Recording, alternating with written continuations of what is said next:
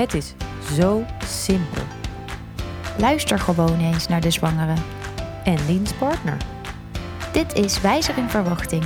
De podcast van Dr. Mama met geboorteverhalen waarin je een echt beeld krijgt van wat de geboorte inhoudt. Voor jou. In elke aflevering ontvangen we nieuwbakken ouders die hun verhaal met ons willen delen. We duiken het verhaal dieper in en ontrafelen gevoelens en gebeurtenissen. En tevens slaan we een brug tussen de ouders en de medische wereld. Wij zijn Brechtje En Meerte. van Dr. Mama. Artsen die je echt goed voorbereiden op de geboorte. En vandaag praten we met Benno en Sabine over de geboorte van hun zoon Jippe. Het is rond 7 uur 's ochtends als ik wakker word. En net als de afgelopen weken ben ik wederom vroeg wakker. Het is warm en ik slaap al een tijd niet meer zo lekker. Jouw hobby is slapen en ik geniet dan ook nog even enorm van de ochtenden. Alleen op de bank met een boek voordat ons aapje er is. Nou, rond 9 uur word ik wakker gemaakt. Nee, gewoon even kijken of je al wakker bent. Want jij bent de laatste dagen steeds vroeg wakker, want slapen lukt niet meer met die bolle buik. En bol is die, want we zijn inmiddels 10 dagen na de uitgerekende datum. Maar meneer heeft nog niet echt zin om naar buiten te komen. Zoals met alles duurt wachten lang en de laatste weken zijn gevuld met bioscoopbezoek.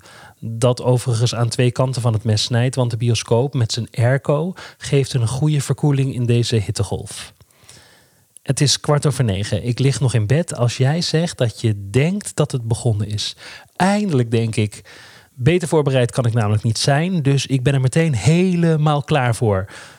Maar voor wat eigenlijk? Want het is dan wel een nieuwe fase, maar het wachten gaat gewoon door. Toch is de volgende stap psychisch wel prettig, want het kan nu niet heel lang meer duren. Het is kwart over negen als ik de eerste wee heb. Jij tuimt de weeën en bekleedt ons bed met allemaal gekleurde Balinese doeken. Veel kleur, want daar hou ik van en het voelt echt super fijn. Ondertussen kijken we Friends, want we zijn een enorm fan. En al voor de zoveelste keer zijn we alle seizoenen aan het kijken.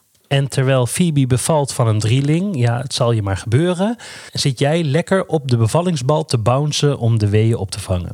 We bellen onze verloskundige en die komt even kijken. Nog steeds 2 centimeter ontsluiting, zegt ze. Ga zo door. Ik kom rond twee uur nog wel een keertje kijken en ze vertrekt. Ik wissel bed af met yogabal en bounce lekker tegen het bed. De weeën komen al snel best regelmatig en worden steeds intenser. Ik ga onder de douche, wat ik niet echt fijn vind. Naast het bed en de bal zit ik veel op de wc. Een beetje hangen. Die houding voelt fijn. En eh, dan maar een beetje dansen in de slaapkamer en flats. Jij rent weg. Mijn vliezen roep je vanaf de wc. Overigens vind ik vliezen een gek woord, want zover ik begrijp is het maar één vlies. Maar dat terzijde. Eh, we proberen nog iets van het vocht op te vangen om naar de kleur te kijken, maar veel opvangen lukt niet meer. En terwijl ik op mijn knieën lig om het vruchtwater niet te veel in de houten vloer te laten trekken, denk ik aan de dwel te kunnen zien dat het er inderdaad relatief helder vruchtwater is. Ik roep vanaf de wc, ziet er goed uit toch? Ja, ik denk het wel. Maar we moeten misschien wel iets vaker dweilen, want er zitten allemaal stofdeeltjes in. Onze verloskundige komt. Geen idee hoeveel ontsluiting ik heb, maar dat maakt me allemaal niet uit. Het zal wel goed zijn, anders had ik dat wel onthouden. Ik zit heerlijk in mijn eigen bubbel en focus me alleen maar op het opvangen van mijn weeën. We mogen naar het ziekenhuis. De autorit is niet echt prettig, want mijn weeën zijn inmiddels best heftig en ik heb rugweeën. Kak. Die hoopte ik echt zo niet te hebben. Ik ben namelijk tien jaar geleden aan een hernia geopereerd en was tijdens mijn zwangerschap best bang wat voor effect het op mijn rug zou hebben. Maar ik heb mijn hele zwangerschap nul last gehad. Heel erg bijzonder. We komen aan in de parkeergarage van het OVG. En ik moet nog lachen als ik eraan denk dat ik aan van die metalen hekjes ben gaan hangen om mijn weeën op te vangen. En daar begint dus fase 3 van het wachten. Want het is inmiddels half vier in de middag. En terwijl ik het grote bad laat vollopen, drijf jij langzaam naar een andere wereld. Oh, die rugweeën, jongen, die waren echt niet te doen. Ik wist niet hoe ik die moest opvangen. Op bed? Nee, dat kan toch helemaal niet? Hoe doe je dat? Gelukkig laat ze snel het bad vollopen. Ik ga voorovergebogen staan tegen de commode naar zittend op de wc en wacht ongeduldig tot het bad vol is. En zodra het bad ook maar iets gevuld is, duik ik erin. Nou ja, in mijn hoofd duik ik er dan wel in. In de praktijk gaat het iets minder soepel. Maar wat een feest. Instant pijnstiller. Echt heerlijk. Je zit erbij als een partyganger die op Lowlands al drie dagen niet heeft geslapen. Want je echt totaal stoont. Maar het is zo bijzonder dat die hormonen dat met je doen. Eh, maar goed, Eh, je doet het er heel erg goed op. Dus lekker zo laten. En ondertussen eet ik een boterham. Ja, met dank aan Monique van de verpleging, die heel lief voor mij zorgt. En zit Sophie, de vroedvrouw, naast me babymutjes te breien. En af en toe roept ze vanaf die bank een adviesje richting de badkamer. Dat Sofie, onze verloskundige, zit te breien, geeft ons echt heel erg het vertrouwen dat we dit met z'n tweeën doen. En zo voelt het dan ook echt. Bij elke week ga ik in een soort van child's pose zitten en druk jij, mijn liefste, oh echt, wat ben je een held op mijn onderrug. Let wel, hè, het is een van de heetste dagen van het jaar en dat bad maakt het er niet koeler op, maar geen onvertogen woord van jou. Om de drie minuten word ik verzocht naar de badkamer te komen en met heel mijn gewicht op jouw rug te drukken. Dus eh, jij zit eh, op handen en knieën met je billen naar me toe. En op die manier kan ik je helpen om je rugweeën een beetje op te vangen. Nou, en we gaan als een speer. Want jij hangt tussen de weeën door met je hoofd op de badrand, waar ik een kussen van handdoeken voor je heb gemaakt, zodat je tussendoor een beetje kan bijkomen. Maar op een gegeven ogenblik is er echt geen bijkomen meer bij. Ja, we gaan alweer, kreun je. Dus je draait je billen naar me toe en ik duik weer in mijn inmiddels vertrouwde houding. Sinds ik in dat bad zit, zit ik weer compleet in mijn eigen bubbel en vang de weeën op. Man, wat is dit intens, maar ik ben nog nooit zo in het nu geweest en ik voel me lekker stoned. En opeens is het al kwart over acht. De tijd is echt omgevlogen. En ik hou het niet meer. Ik moet persen. En zo geschiet. Jij perst. En ik ook. Fase 4 is begonnen. Wee na wee vangen we op. En het zweet dat druipt echt van mijn voorhoofd. Want die hittegolf is er dus nog steeds. En die kleine ruimte gevuld met water van 38 graden maakt het er niet makkelijker op. Maar hé, hey, ik hoef er geen kind uit te persen. Om kwart over acht krijg ik dan eindelijk persweeën. Oké, dit vind ik niet leuk. Mijn rug, ik wil niet meer. Hoe dan? Oké, stop is geen optie, dus door. Het doet nu wel heel erg pijn in mijn rug, roep jij naar Sophie. Maar Sophie hoeft maar te zeggen dat het lichaam dit kan of jij weet je weer over te geven. Wat een vertrouwen. Meer kracht vanuit de stem geven. Oké, jij doet het. Energie anders inzetten en de kracht gebruiken om hem naar buiten te duwen. Prima, doe je ook. Ja, ik ben echt zo verliefd en onder de indruk en trots op hoe je dit allemaal aanpakte. En ook heel erg dankbaar dat jij het doet en dat ik alleen maar hoef mee te persen. Want mijn god, never ever had ik dit overleefd. Sophie roept vanaf de bank dat ik meer naar beneden moet persen, maar dat het geluid wat ik maak goed is. Dus nadat ik ons mannetje langs mijn rug heb geperst, waar ik echt dacht dat ik die zou breken, ben ik zo opgelucht dat het me daarna alles meevalt. En dan, zittend op mijn knieën naar jou toe, zie jij haartjes. Ja, dan zie ik hem. Eerst wat haren die als zeewier deinen in het water. Een hoofd, wenkbrauwen, ogen. En dan doet hij ze open. En omdat jij dus op je knieën zit, kijkt hij me aan. Door het water heen en met zijn mond nog in jou kijkt hij naar me. Vredig en rustig. Alsof de tijd stilstaat. Alsof hij zegt: Dag Bob, jij gaat voor me zorgen, hè? Ja, Tuurlijk doe ik dat. Ik ga alles voor je doen. En dan weer persen, neus, mond, kin, schouders. Pak hem maar, zegt Sophie. Na nog één keer hard persen en met een enorm oerkreet pak ik Jippe tussen mijn benen aan en haal hem langzaam boven water. En daar is hij.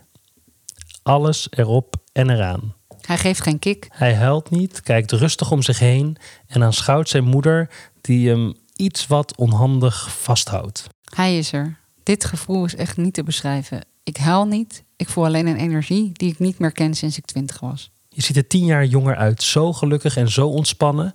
Alsof er in de laatste twaalf uur niets is gebeurd. Ik kus jou en ben intens gelukkig. En hij ligt in je armen. En ik heb een gezin. Wat een bevalling. Wat een bevalling. Wat, wat, wat, wat, wat, wat een bevalling. Jongens, jongens, wat een bevalling. Zo leuk om elke keer weer te, te doen of zo. Zo grappig. Lekker Oh. in te duiken weer, hè? Ja, heerlijk. Want eh, hoe kijken jullie daarop terug? Hey, ik vind dat echt het tofste wat ik tot nu toe in mijn leven heb gedaan. Ja, want wij denken hier natuurlijk van alles bij. Hè. Wij zitten, j- jullie kunnen het zien, wij zitten helemaal te glunderen bij die dingen die je zegt. Maar dat wil nog niet betekenen dat het ook hè, voor jullie zo ervaren wordt. Oh, Is ja? het zo Oh, alles jawel. overheersend? Ja. Nou, ik, ik vond het wel echt super bijzonder. En dan vooral het, het, het gevoel dat we, eh, dat we dit zo heel erg met z'n tweeën hebben gedaan. En ik denk dat ons gevoel groter is dat wij het met z'n tweeën hebben gedaan dan dat dat daad- waar daadwerkelijk zo is geweest. Want Sophie eh, die kwam eh, heus wel soms even de badkamer inlopen om eh, even een, zo heel nonchalant een dingetje te doen. Of even een testje of weet ik veel wat ze allemaal gedaan heeft. Maar het gevoel is gewoon echt heel erg dat, dat er eigenlijk niemand bij is geweest. En dat we dat echt met z'n tweeën gedaan hebben. Dat heeft ze ook echt super goed gedaan. Ja, dat is echt heel knap. Want dan heeft ze gewoon jullie oxytocine-bubbel gewoon niet doorbroken. Waardoor Nee. je ook Nee. helemaal inderdaad samen aan het flowen bent. Ja. Ja. dat heeft ze echt briljant gedaan. Maar vooral ook omdat ze dus die mutsjes zat te breien. Terwijl het dus bloedheet was. Daardoor lijkt het heel erg of zij alleen maar daarop gefocust is. Maar natuurlijk eh, kijkt ze met een schuin oog echt wel wat we aan het doen zijn. Ja, want dat kan ik me ook voorstellen. Dat als iemand mutjes zit te breien, dat je denkt... Yo, er zit hier iemand te bevallen. Moet je je aandacht hier niet bij houden. Maar ik, lees dus in dat hele verhaal, hoor ik nergens... dat jullie dat gevoel hadden. Wat maakte nou dat, dat je dat zo kon vertrouwen? Wat, wat, wat is dat dan? Nou, ik denk dat het, dat het allemaal best wel ging zoals we het van tevoren bedacht hadden. En we waren door jullie natuurlijk best wel eh, goed voorbereid in dat wij met elkaar hadden uitgesproken hoe wij het voor ons zagen. Dus eh, zeg maar dat had ons, ons, ons team zeg ook maar heel erg versterkt. En ehm, dat we er ook klaar voor waren dat mochten de dingen anders gaan, dan gaan ze anders. Maar dan weten we ook van elkaar wat we willen. Nou, en wat ik gewoon vooral van jullie zo fijn vond, is dat we niet een of andere zweverige cursus hadden gedaan, maar ook dat jullie allebei arts zijn. Eh, en dat, ja, dat gaf ook heel erg veel vertrouwen. En jullie zeiden, ja, iedereen kan dit, weet je wel. Je kan gewoon bevallen. En doe vooral wat je zelf denkt dat goed is. En een knip, dat hoeft niet. En eh, als het wel medisch noodzakelijk is, tuurlijk moet je dat doen. Maar dat vertrouwen gaven jullie gewoon heel erg van. Dat je zelf de regie in handen kan houden. En dat je door het schrijven van een bevalplan, wat niet wil zeggen eh, dat het dan precies zo gaat, maar dat je veel beter de handvatten hebt waar je, waar je iets aan hebt. En ja, dat, dat heeft mij wel echt zoveel vertrouwen gegeven. En mijn moeder, die zei altijd van ja, bevallen, eh, je de roept drie keer eh, kut en dan eh, is het goed.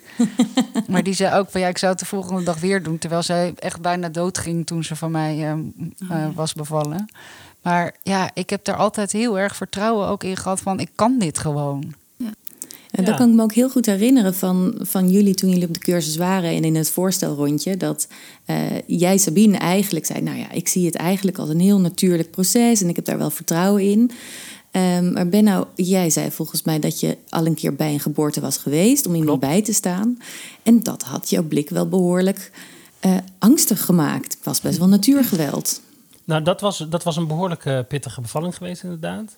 En eh, ja, maar dat is dus, we zijn er in die tijd dus wel echt samen ingezakt. En ik heb dus het gevoel, en ik weet zeker dat dat niet zo is, maar als wij nou een week voor de bevalling ergens in een rimboe waren gedumpt en er was niemand geweest, dan hadden we het nog steeds wel een soort van gered met z'n tweeën. En eh, dus we waren gewoon echt goed voorbereid. En ehm, dat is, maar dat zegt meer over mijn persoonlijkheid. Ja, Als ik maar weet waar ik instap, dan komt het allemaal wel goed. En dan, en dan, ehm, dan, dan komen we daar wel uit. En dat was de vorige keer niet zo. Even los van alle dingen die daar misgingen of tegen zaten. Ehm, Ik ben toen bij mijn beste vriendin eh, aanwezig geweest... die eh, in haar eentje eh, een, een kind kreeg. En ik heb haar daarbij geholpen. Maar ik heb dat heel erg bij haar gelaten. Dus ik kwam eigenlijk gewoon die bevalkamer binnenlopen. Zo van, oké, nou, wat gaan we doen? Dus ik had eigenlijk geen... Ja, ik was één keer bij een, eh, bij een, bij een puffcursus geweest... maar waar wij alleen maar een soort van de slappe lach hadden gehad. En dat had totaal geen zin. Dus ik was toen niet voorbereid en nu eigenlijk heel erg. En dat, dat maakt daarin voor je gevoel in ieder geval ook echt een groot verschil. Als je zegt dat je de tijd neemt om samen er helemaal in te duiken en elkaars wensen te leren kennen, maakt al het verschil vooral in beleving. Maar nou, is er in het verhaal ook. eh, zijn er ook dingen die jullie niet verwacht hadden? Zijn er dingen die anders waren of die tegenvielen? Kijk, want het, het is natuurlijk een vrij eh, ja, goed verlopen bevalling. Er zaten weinig, vanuit medische oogpunt gezien, weinig grote hobbels. Maar zijn het dan toch dingen om, omdat hè, je, kunt je, je kunt je voorbereiden, ja, absoluut. Maar je weet eigenlijk pas wat het is als je er middenin zit. Waren, waren er nog dingen waarvan je dacht, oh, dat was toch anders dan wat ik me had bedacht van tevoren? Nou, er waren wel een aantal dingen die ik misschien had willen weten. Maar ik denk eerder vanuit mijn vroedvrouwenpraktijk. Bijvoorbeeld, eh, wat ik achteraf hoorde, dat lang persen nou niet echt heel goed is voor eh, eh, interne organen en zo. Eh, waar ik dus bijvoorbeeld de verzakking aan heb overgehouden. Wat ik toevallig nu de laatste tijd ook best wel veel meer hoor, omdat je er dan induikt. Eh als ik dat had geweten, dan had ik misschien anders geperst. Nou, Ja, dat denk ik. Maar misschien ook niet hoor.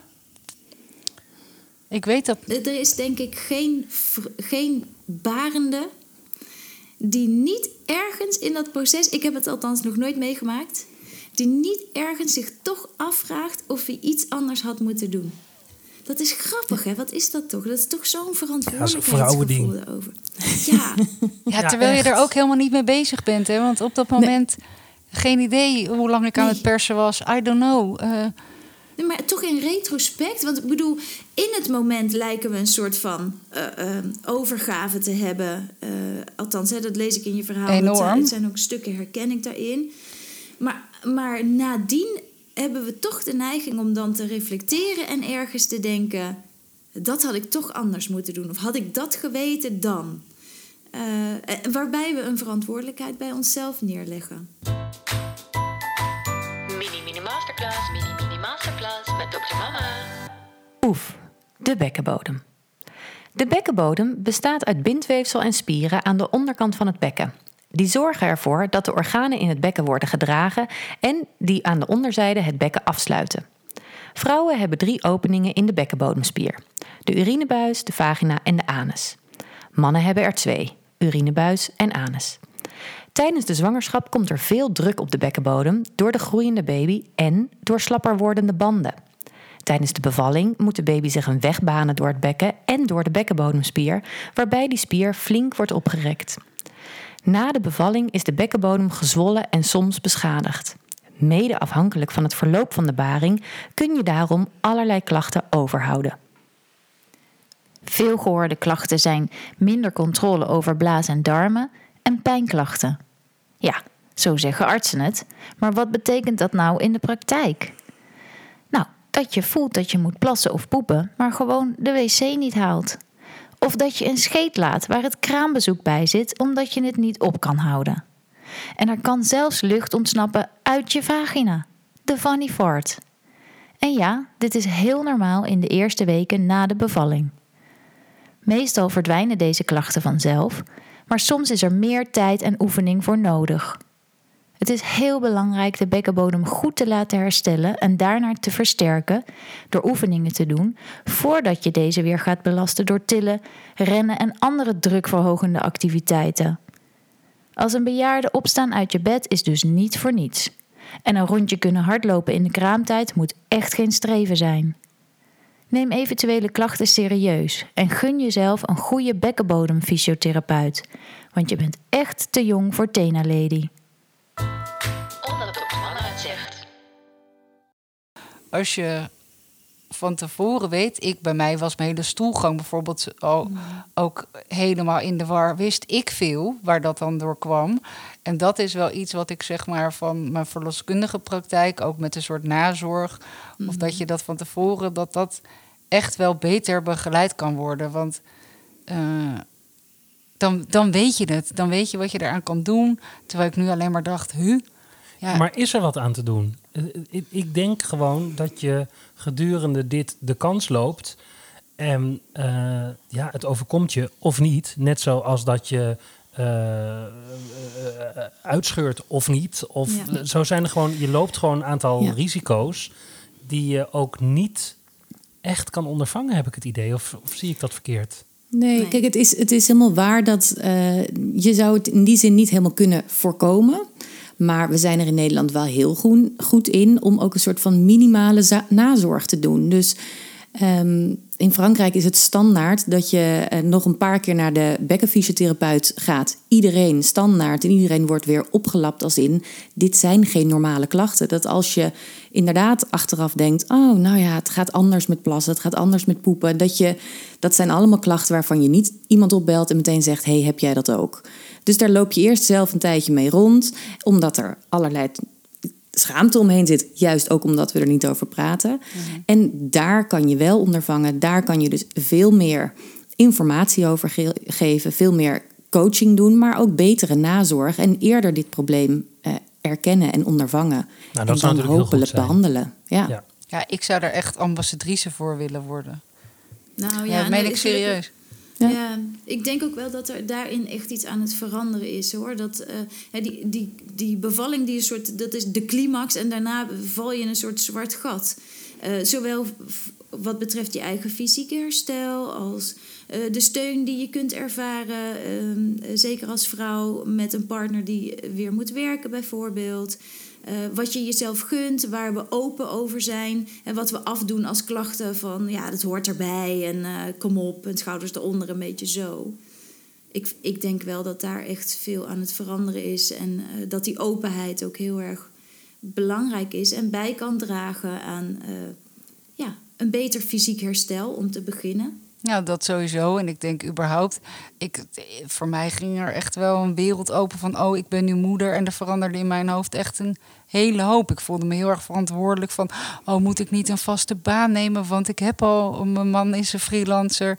Er, ik was zo naar mezelf op zoek van, hoe ga ik dit doen? Terwijl ik dacht van tevoren, ik neem die baby overal mee naartoe. En eh, ik word zo'n hippiemoeder nou, echt voor geen ene meter. Mooi, hè? Maar ik, ik moest gewoon echt wel mezelf weer helemaal opnieuw uitvinden. Ja, dat is, ze hebben daar een woord voor. Ze noemen het matrescence. Ehm, wat eigenlijk hetzelfde is als adolescentie. Je gaat zo hormonaal gemangeld alle kanten op... Ja, dat je een soort flipperkast bent. En jezelf op heel veel momenten helemaal niet herkent. En dus moet terugvinden in... hoe kan je weer een beetje houvast krijgen in... oh ja, dit was de persoon die ik was. En dat is ook van tevoren niet voor te stellen... dat iedereen diezelfde achtbaan eigenlijk opstapt. Omdat Maar- je allemaal denkt... ja, wat... Dat, dat is ook wel, als, als we dat meer hadden geweten, dat was toch fijn geweest. Want je merkt inderdaad precies wat jij zegt. Er, er, het is allemaal benoemd en ergens denk je ook, oké, we gaan er rekening mee houden. Maar ergens zit er gewoon iets natuurlijks in je systeem. Dat je, nou, maar wij gaan hier ons gewoon doorheen slaan. En eh, easy peasy. En eh, ik vind dat jij, ik kijk Sabine even aan, het best wel een lastig, nou wat is het, jaar geweest of zo. daarna om weer helemaal te herstellen. En jij zegt zelf ook heel vaak van, als ik nou van tevoren tegen, me had, tegen mezelf had gezegd, ik neem gewoon anderhalf jaar vrij. En daarna ga ik weer even beginnen. Dan was die hele periode zoveel rustiger geweest. Dan dat je eigenlijk na twee, drie weken al denkt: Oh, ik moet weer van alles. En Ja, dat is ik was voor niemand goed. Nee, ik was mezelf gewoon de hele tijd een schop aan het geven. Alsof ik achter mezelf liep. Van ja, maar ik vind dat ik iets moet en ik vind dat ik iets moet. Achteraf denk ik, vond ik dat nou? Of had ik het gevoel dat de omgeving dat vond dat ik iets moest? En denkt van ja, kom op, je hebt een kind gekregen. Dat Calvinistische, wat we natuurlijk allemaal heel erg hebben. Van 1, 2, 3, eh, dat doet iedereen. Ja, en Go. dat doet dus ook iedereen. Ja, iedereen gaat na pak een beetje drie maanden gewoon weer aan het werk. Want dat wordt van je verwacht en dat doet iedereen. En ik herken ontzettend dat ik... eh, ehm, dat, dat die periode zeker een jaar kost tot je weer een klein beetje tot jezelf komt en denkt: Oh, het leven is niet radicaal anders. Er is toch nog een stukje van mijzelf overgebleven. En dat begin ik nu weer een beetje te ontdekken. Bizar toch? Ehm, ja, echt super bizar. En ik moet om een hele hoop dingen ook lachen. Hè. Dat, dat Meert en ik zeggen vaak tegen elkaar... ja, je, het is lastig om over die climax van de bevalling heen te kijken. Eh, en we doen een poging om ouders voor te bereiden op wat daarna komt. En precies wat je zegt, iedereen denkt... ja, ja maar dat doen we anders. En prima natuurlijk. Hè. Je weet pas wat het is als je er met je neus Oh bovenop ja, echt zit. hoor. Eh, maar ja, dat... En dat is ook goed natuurlijk. Nee, ja, maar kan je ook zou niet willen anders. dat iemand je toch wat meer zo heen en weer schudt en zegt: Je denkt dit nu, maar luister nu echt naar me, want het, kan, het gaat gewoon. echt anders worden. Je bent Nou, er niet ontvankelijk voor. Nee, dat maar ik is zeg het. het toch maar. Ja, ja. Nee, maar je weet het gewoon niet. Je weet gewoon niet wat het is om ouder te zijn eh, als je het nog niet bent. En dat merk ik nu bij vriendinnen van mij die geen kinderen hebben. Echt heel erg. Het is gewoon fascinerend. En het heeft ook helemaal geen zin om het uit te leggen. Want ja, het is gewoon echt een heel ander, eh, ander denkpatroon. En mensen zitten gewoon op een heel ander level. Wat ook helemaal goed is. Ja, maar ik denk wel, dat, eh, dat probeer ik tenminste altijd bij de mensen om me heen, in ieder geval in hun hoofd te laten prenten. Het eerste jaar is niet representatief voor de rest van jullie leven. Waarmee ik zoveel wil zeggen als je weet niet waar je op afgaat. Ja, je kunt je er bijna niet op voorbereiden. Ja, maar het wordt na een jaar toch echt weer een beetje, een beetje zoals het was. Dus denk in dat eerste jaar nou niet te snel. Oh, dit, dit komt nooit meer goed tussen jou en mij. We herkennen elkaar bijna niet meer. Of oh, deze baby is. eh, ik ga nooit meer slapen. Want zo groot voelt het allemaal. Na Nou, nog steeds, hoor, dat jaar- slapen. Ja. Oh.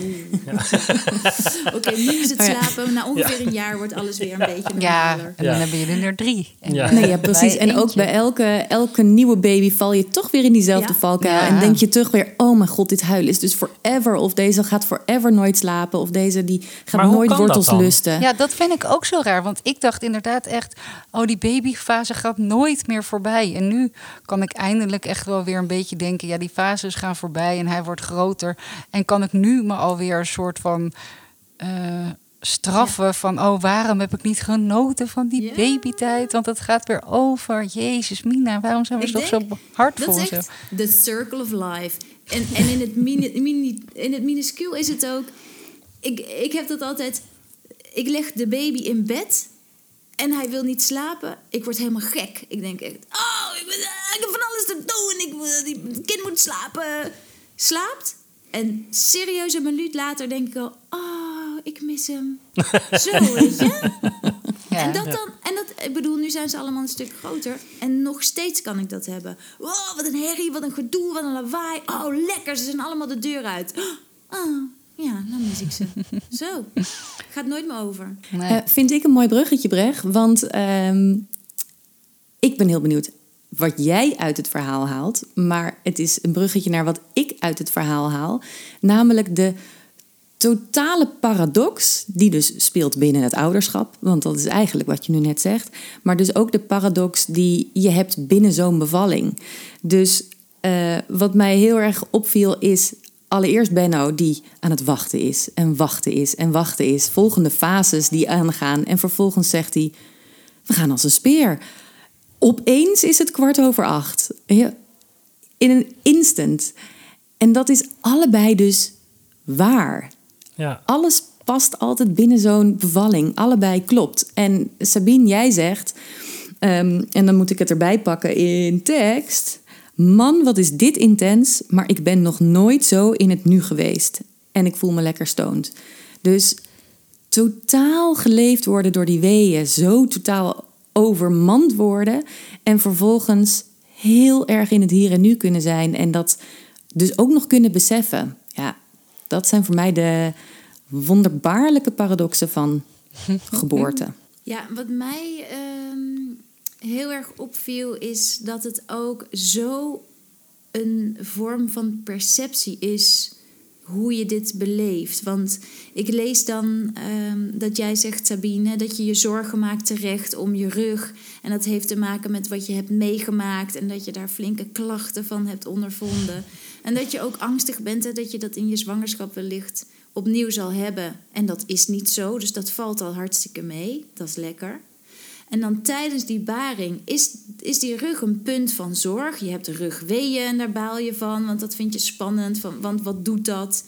Ehm, en dan op een gegeven moment, hè, Benno, jij zegt, nou, eh, je vindt het zwaar en het, doet echt pijn in je rug, wat je angstig maakt. Maar goed, je pikt alles van eh, Sophie goed op en je gaat ervoor, je gaat ermee door. En dan schrijf je zelf, ja, op het moment dat ik hem voorbij mijn rug heb geperst, dan, dan voel je dat je die angst los mag laten, want het is dus goed gegaan. En dan is het ook ineens allemaal minder aanwezig, die, die heftigheid van die perswee. Of althans, je kan het veel beter aan. En dat is zo mooi, want, en dat kun je ook moeilijk voorspellen. Voor iedereen is dat iets anders. Maar dat het dus ook is op het moment dat je zelf voelt dat je kunt overgeven daaraan, dan gaat het dus ook beter. Dan ervaar je het beter, dan beleef je het beter. Ja, dat is echt helemaal waar. Nou ja, en het is wel zo, want eigenlijk heb jij de eh, is dat maar eigenlijk een, een stukje geweest, zeg maar zo tussen kwart over zeven en kwart over acht. Want daar zat hij, zeg maar, over, moest hij even over die ruggelbol heen. Ehm, en dat is eigenlijk ook het moeilijkste stukje geweest, inderdaad, van de bevalling. Want daarvoor, nou ja, je hebt eigenlijk helemaal niet doorgehad hoe de klok tikte. En daarna had je er geen tijd meer voor om daarna te kijken. Dus het, ehm, dat, Nee, dat is ik- inderdaad, je merkte ook gewoon dat er toch een andere sfeer. En ik meen me te herinneren dat Sophie er ook iets vaker was. En, eh, dus eh, ja, dat, is, dat klopt wel heel erg. Er, er, er was gewoon even een andere energie. Ja, maar dat vind ik sowieso heel grappig. Ik heb echt qua tijd eh, geen idee gehad. Echt geen idee. Pas achteraf, eh, pas achteraf, nou ja, dat stukje in, inderdaad van dat hij net zo om dat hoekje heen moest, ja, dat vond ik wel het pittigst. Maar dat was echt het moment dat ik zei, ja, maar ik kan dit niet of dit kan niet. Ik, het, het kan niet, gewoon, punt. Stoppen. Ja. Ja, Klaar. Nu, is- nu is het klaar. En dat als het dan eenmaal zover is, dat die e- eigenlijke bevalling dus veel minder pijnlijk lijkt of zo, dan Ja. dat het dan daar voorbij is. Ja, fascinerend. Nou ja, precies dat, dat stukje is zo fascinerend. Dat, dus de, dat het voor iedereen de persoonlijke angst is. En voor iedereen zit die dus ergens anders. Waar eh, vooraf, als mensen eh, nadenken over... nou ja, wat vind ik dan heel spannend? Dan zal, zullen de meesten zeggen... oh ja, dat moment dat dat hoofd geboren wordt... dat zal allemaal wel heel pijnlijk zijn. Want eh, vagina oprekken enzovoorts. En dat dat dan dus helemaal wegvalt... omdat jij een ander spannendste punt had. En als je die gepasseerd hebt... ja, dan, val- dan valt alles weg. Dan, Ja. dan is het zoals het gewoon is en dan valt het je mee misschien zelfs dus. Ja, zeker. Het viel dus mee. Een brug tussen de ouders en de medische wereld, die gebouwd is op vier pijlers. Hoe symbolisch wil je het hebben? Anders dan wat veel mensen denken, gaat het bij een geboorte meestal dus helemaal niet over de manier van bevallen of hoe lang het duurt of hoeveel pijn je hebt geleden. Maar als, het, als je het hebt over beleving, gaat het veel meer over je veilig en gesteund voelen. eh, of er een goede communicatie is. Of je meegenomen wordt in beslissingen die jou zowel fysiek als emotioneel aangaan.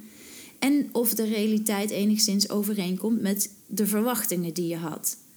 En, en dat hoor je. Ik denk al die, al die dingen van dat, de steun en het feit dat, je, dat eh, Sophie, de verloskundige, vertrouwen uitstraalt. Dat jullie goed bezig zijn. Dat jullie dat ook zo oppikken. Dus die communicatie die zit hartstikke goed.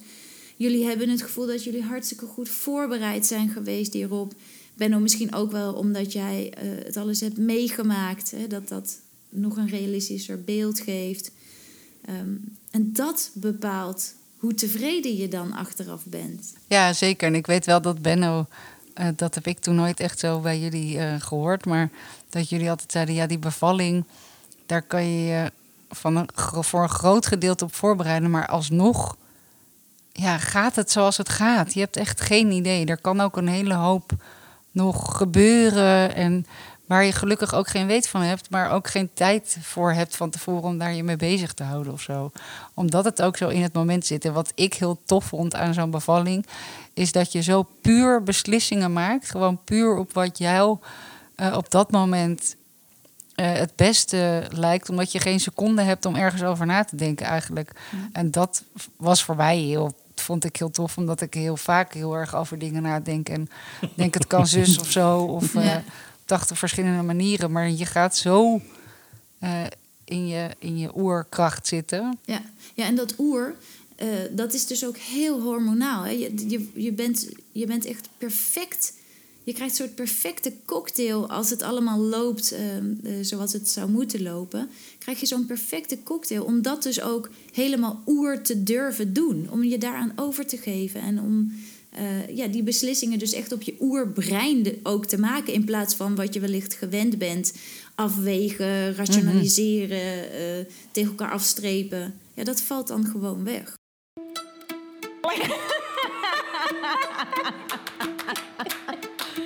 Later lachen we erom. Hadden we nog één vraag aan jullie? Precies. Later lachen we erom. Viel er ook nog wat te lachen in dit hele mindblowing mooie verhaal? Ja, we hebben namelijk ook nog een deel 2 aan dit verhaal. En ehm, dat deel 2 is dat eh, eigenlijk toen Jipper er al een paar uur was, eh, Sabine niet stopte met bloeden. Eh, dus iedere keer als zij rechtop ging zitten, dan werd het zwart voor de ogen en dan viel ze ongeveer weer om. En zij mocht pas mee naar huis als dat een beetje onder controle was. En dat, dat kwam maar niet onder controle. Dus op een gegeven moment werd er besloten dat wij van, het, eh, van de bevallingscentrum afdeling af moesten en naar het gewone ziekenhuisdeel zouden moeten gaan. En bij het OVG was er geen plek meer. Dus Oh, toen werd er op het moment zelf besloten, dan gaan we haar nu naar het vuur brengen. Eh, dus er kwam een ambulance en mensen die laden eh, Sabine in, op een brancard die ambulance in. En de bedoeling was dus dat ik daar met Jippe achteraan zou rijden. Ehm, Omdat, ja, ik moest, nou ja, wij moesten mee op een of andere manier, maar we mochten niet in die ambulance mee. Dus eh, dat was een uur of zes 's morgens. Ten eerste zat ik dus met een kind achterin. Ik ben, echt, ik ben haar naam vergeten, maar dan echt een super lieve verpleegster geholpen. Die ook mee naar de auto is gelopen. Die dat stoeltje voor me heeft vastgezet in de auto. Want ik zat alleen maar van, oh wat fuck, wat moet ik nou? Help. Ehm, en ik denk echt dat ik ongeveer 10 kilometer per uur over de A10 heb gereden. omdat ik alleen maar keek van wie gaat nou mijn auto aanrijden. Want ik heb hier een kind in van drie uur. Ehm, en toen kwam ik dus in het, eh in het vuur aan.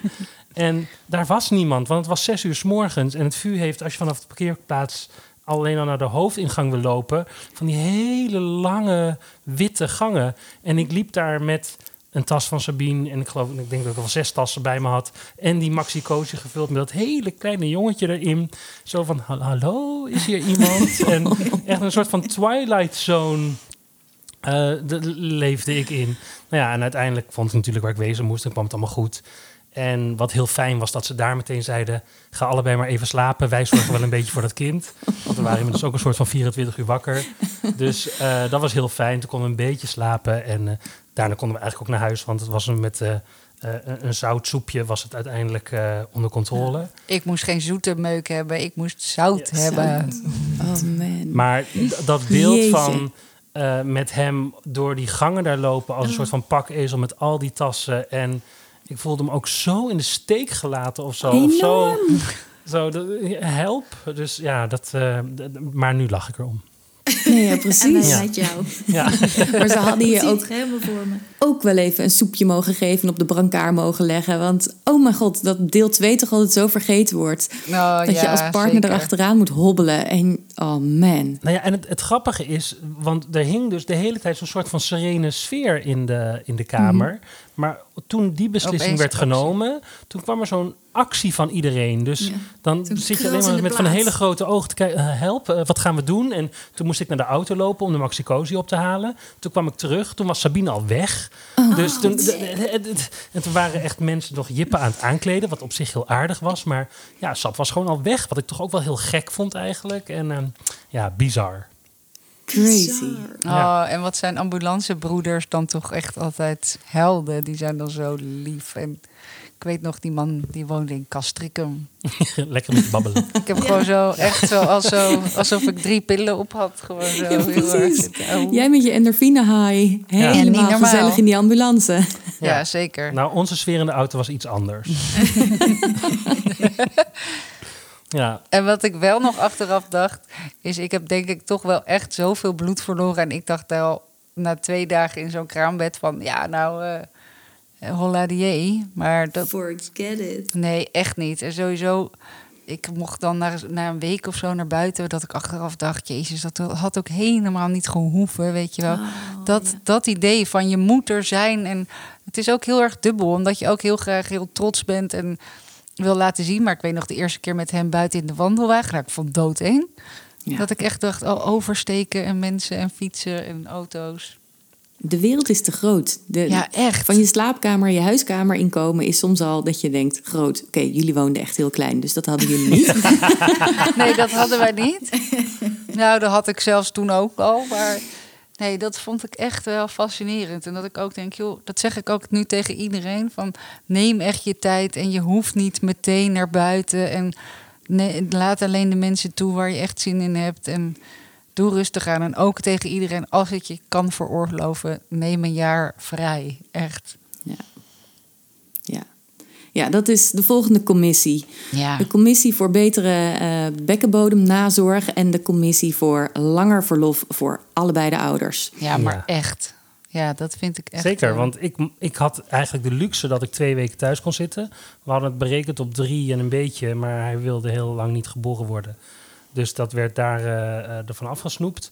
Maar ik weet echt de eerste dag dat ik moest gaan werken, dat ik dacht, dat kan helemaal niet. Ik ben er ook nog helemaal niet klaar voor. Terwijl ik niet, hè. Ik, het is- terwijl, ja, voor Sap Nee, is het maar- nog veel heftiger. Kijk, ze hebben er geen woord voor, want ze doen alleen maar matrescence. Maar er is natuurlijk ook gewoon petrescence. Ja, Jij hebt ook al die hormonen die door je heen gieren, plus ah, inmiddels chronisch slaaptekort. Dus ja. Ja. easy on the parents. Nou, Ja. echt, maar ik vond het echt heftig. Want jij ging uiteindelijk na elf dagen weg. Nou, je was echt zo verdrietig dat je weg moest. Maar ik dacht ook, ja, nu ben ik alleen met een baby. En hoe dan? ja. En hoe ongezellig ook. Nou, dat was ja. het vooral. Het was gewoon super ongezellig. Je wilt toch gewoon met z'n tweeën doen. En met z'n tweeën een beetje keuvelen en eh, een beetje klooien. Ja, het feit dat je dan zo weer die wereld in wordt geslingerd. Ja, en soms moet het. Hè. Ik bedoel, wij zitten dan in de luxe positie dat we nog een beetje ons eigen werk kunnen indelen. Maar ja, Hmm. als je gewoon een baan hebt waarbij je gewoon na drie dagen in ieder geval als man weer moet. Maar dat, is nu, dat wordt nu aangepast, toch? Of dat is al Ja, het aangepast? is net aangepast. Dus het is Ja. nu vijf weken 70% betaald. Ah ja, Maar ook dat moet je maar net kunnen betalen en je moet geen ZZP'er zijn. precies. Nee. ja. En, en, dat, en dan krijg je inderdaad het hele stuk. Het, het, moet maar kunnen, maar je hebt zelf ook heel vaak geen idee dat het echt belangrijk is. En dat kan je pas ervaren doordat je toch die periode thuis bent. En dat je denkt, ja, gelukkig dat pakken ze me niet meer af. Ja. Ehm, Nee, maar maar ik had ook daar vriendin- niet aan toe. Nee, dat ook. Maar ik heb ook vriendinnen gehad die echt niet konden wachten om eh, weer te gaan werken. Ja, ja, nee, dat klopt. Zo is ook iedereen natuurlijk anders. Ja. Ja. Jij moet nog antwoord geven. Oh ja, je hebt jij daar ook nog een. Yes. Kun jij nog ergens om lachen? of pis je dan in je broek? Nou, daar heb ik dan gelukkig geen last van. gelukkig. Een van de weinige Ja, dingen. sorry, waar ik heb deze vraag niet aan haar gesteld. Dat had ik moeten doen, maar dat ben ik vergeten. Ik ben vergeten haar te laten voorbereiden. Heb ik nog ergens om gelachen? Nou ja, hoe die eruit ziet op de foto's. Oh ja, Jezus. Onherkenbaar. Zo slecht, zo grauw en totaal niet op deze planeet. Maar Op, op de Ja, foto's nadien, of niet? ja, zeker. Op de nou, sowieso de foto's tijdens de bevalling zijn ook echt hilarisch. Want daar zitten echt wel van die hele stonende foto's tussen. Nee, daar Maar had jij niet ook dat je dacht... nee, zo zag ik er echt niet uit. Sorry hoor, maar volgens mij was ik de hele tijd aan het lachen en aan het smilen. En Oh nee, nee, nee. Ik weet wel echt heel erg hoe ik eruit zag. Je ziet echt de foto's die jij hebt gemaakt zijn echt wel intense, heftige foto's. Je ziet maar, gewoon maar wel de voelde pijn. het ook zo? Dus zeg maar, voelde, als je de foto's zag, dacht je dan ook... oh ja, dit herinner ik me ook zo. Jawel, dat herinner ik me Oh, wel zo. ja? Ja. Ja, Ja. Dit is Oh, gewoon de zelfreflectie van Brechtje... die Ja, alleen maar tijdens de bevalling heeft gedacht... I'm a goddess. Maar ik dacht echt, ik ben lekker bezig. Ik ben vriendelijk naar iedereen. En dan zag ik zo'n foto van zo'n gruwelijk, grauw, ik weet niet, oermens. Dat ik dacht, nee, sorry. hoor. Volgens mij zat mijn haar heel netjes en heb ik de hele tijd vriendelijk naar iedereen gelachen. Nou, nee, dus. Nou, ik weet eigenlijk helemaal niet hoe ik... te- Volgens mij was ik heel lief naar jou. Heb ik uh, Nou, geen je, hebt onvertogen... niet zo, je hebt niet zo gecommuniceerd in die zin. Niet, het- je riep gewoon soms eens in zoveel tijd, ja, nu. En dan kwam ik weer naar de badkamer en dan gingen we ons ding weer doen. Vriendelijk En, poeh. ja, dus dat, eh, Ja, maar als ik de foto's zie, vind ik eigenlijk ook dat ik er... Ik zie er eigenlijk wel heel goed uit. Wel Ja. echt intense... Maar het, het- het- eh, eh, de foto's na de bevalling, dus zeg maar in de eerste Ja, twee weken, zijn wel echt... eh, Ja, die waar je een soort van geel en Ja. groen en grijs bent. En zo, zo intens moeder uitziet. Maar dat voel je dan op dat moment ook niet. Je denkt inderdaad dat je daar, tenminste, dat we, we dachten toen we de foto namen, dat we er beter uitzagen toen we het resultaat van de foto zagen. Later lachen we erom, Ja. zullen we maar zeggen. Nou, zo voelde ik me wel hoor, zoals ik eruit zag. Super bedankt. Jullie hebben gewoon de... Hoe zeg je dat? Kop eraf gebeten. dat is niet het eraf woord. geweten. Het spits afgebeten. Oh, mijn taalkundig wonder. I love you. Bijt jij ergens een kop af? Ja. Dit was de eerste aflevering van Wijzer in Verwachting, de podcast van Dr. Mama. Tijdens deze opname hebben we nog geen idee waar je de podcast straks kan beluisteren, maar uiteraard vragen we je de podcast te liken en met sterren te strooien. En wil je een cursus volgen bij Dr. Mama? We hebben online een zwangerschapscursus en online een kinder- en EHBO-cursus.